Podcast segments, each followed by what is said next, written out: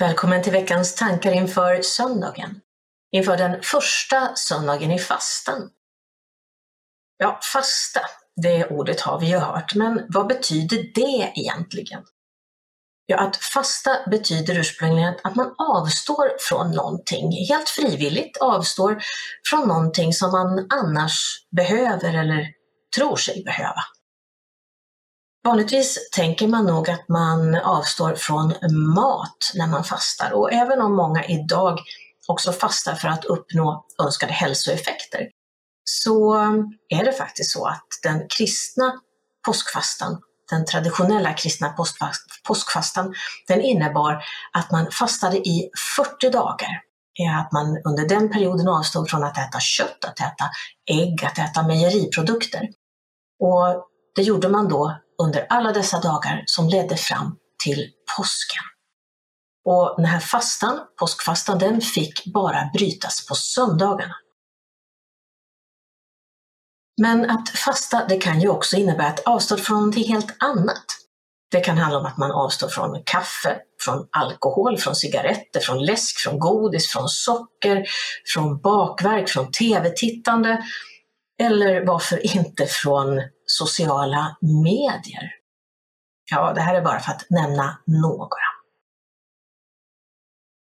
Syftet med fastan var och är flera. Det handlar dels om att öva sig i att låta sinnet besegra kroppen. För 40 dagar är en lång tid även om man får bryta fastan på söndagarna.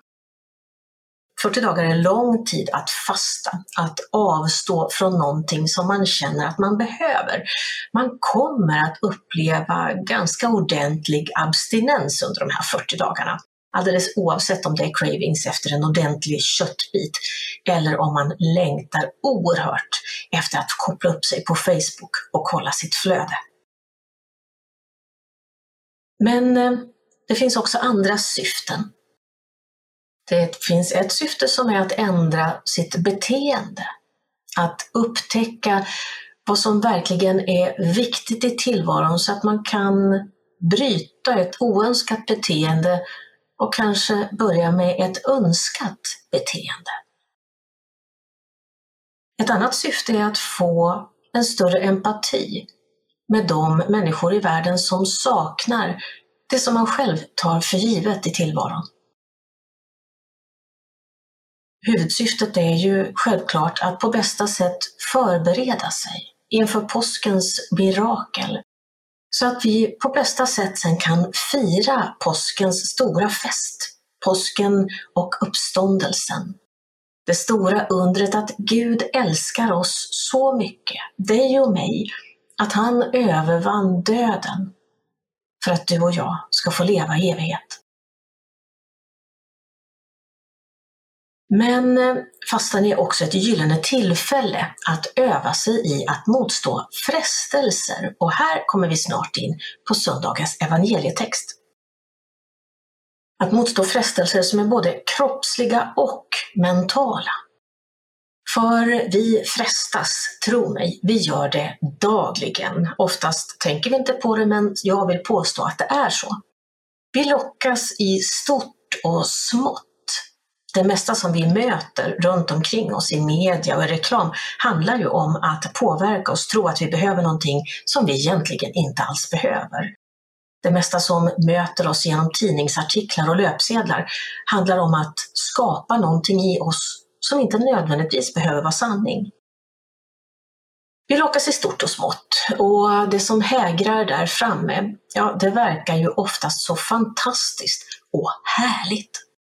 För vi, le vi lever också i en tid när hela världen faktiskt ligger vid våra fötter på ett sätt som det aldrig har gjort i historien tidigare. Och som jag nämnde förra veckan så handlar livet väldigt mycket om att bli lyckad i omvärldens ögon. Att få likes och cred och bli framgångsrik. Och då gäller det ju självklart för oss att gripa tag i alla de fantastiska möjligheter som erbjuds oss.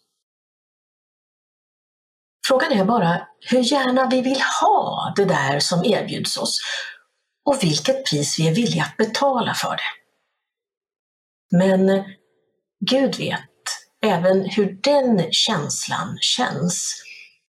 För evangelisten Matteus skriver Sedan fördes Jesus av anden ut i öknen för att sättas på prov av djävulen. När han hade fastat i 40 dagar och 40 nätter blev han till slut hungrig.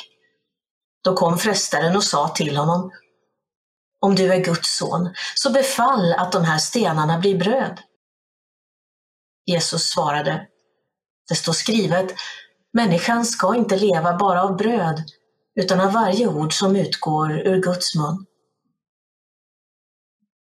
Sedan tog djävulen honom med sig till den heliga staden och ställde honom högt uppe på tempelmuren och sade Om du är Guds son, så kasta dig ner. Det står ju skrivet, han ska befalla sina änglar och de ska bära dig på sina händer så att du inte stöter foten mot någon sten.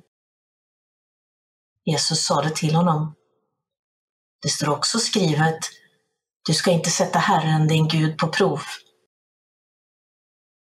Nu tog djävulen honom med sig upp på ett mycket högt berg och visade honom alla riken i världen och deras härlighet och sade Allt detta ska jag ge dig om du faller ner och tillber mig. Då sa Jesus till honom Gå din väg, Satan.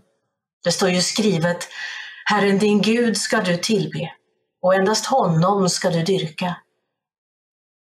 Då lät djävulen honom vara och änglar kom fram och betjänade honom.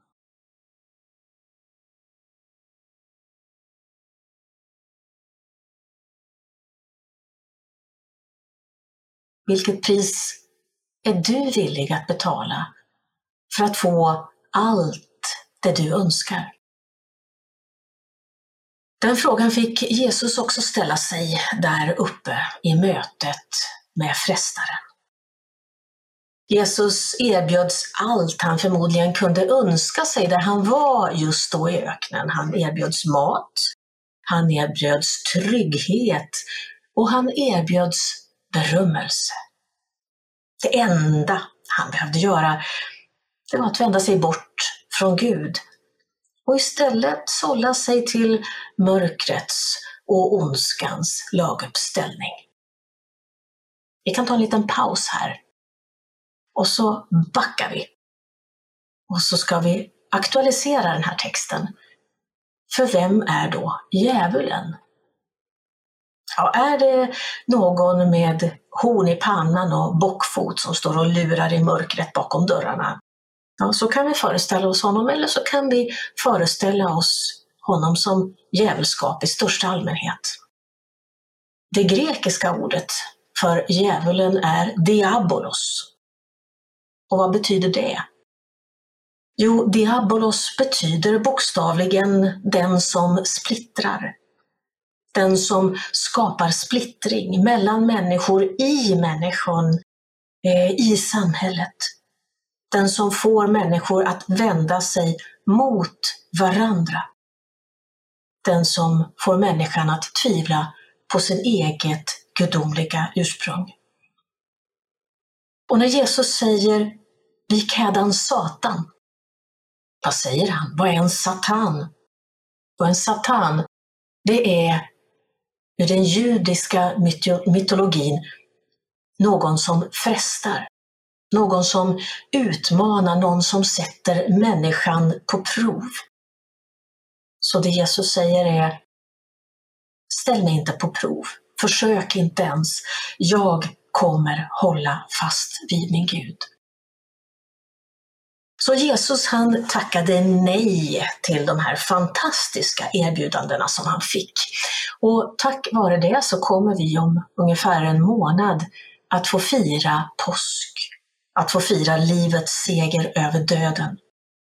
Den segern hade vi inte kunnat fira, den hade inte inträffat om Jesus hade gjort ett eh, i vår samtids ögon kanske mer rimligt och logiskt val och valt den kortsiktiga berömmelsen och framgången framför de långsiktiga perspektiven.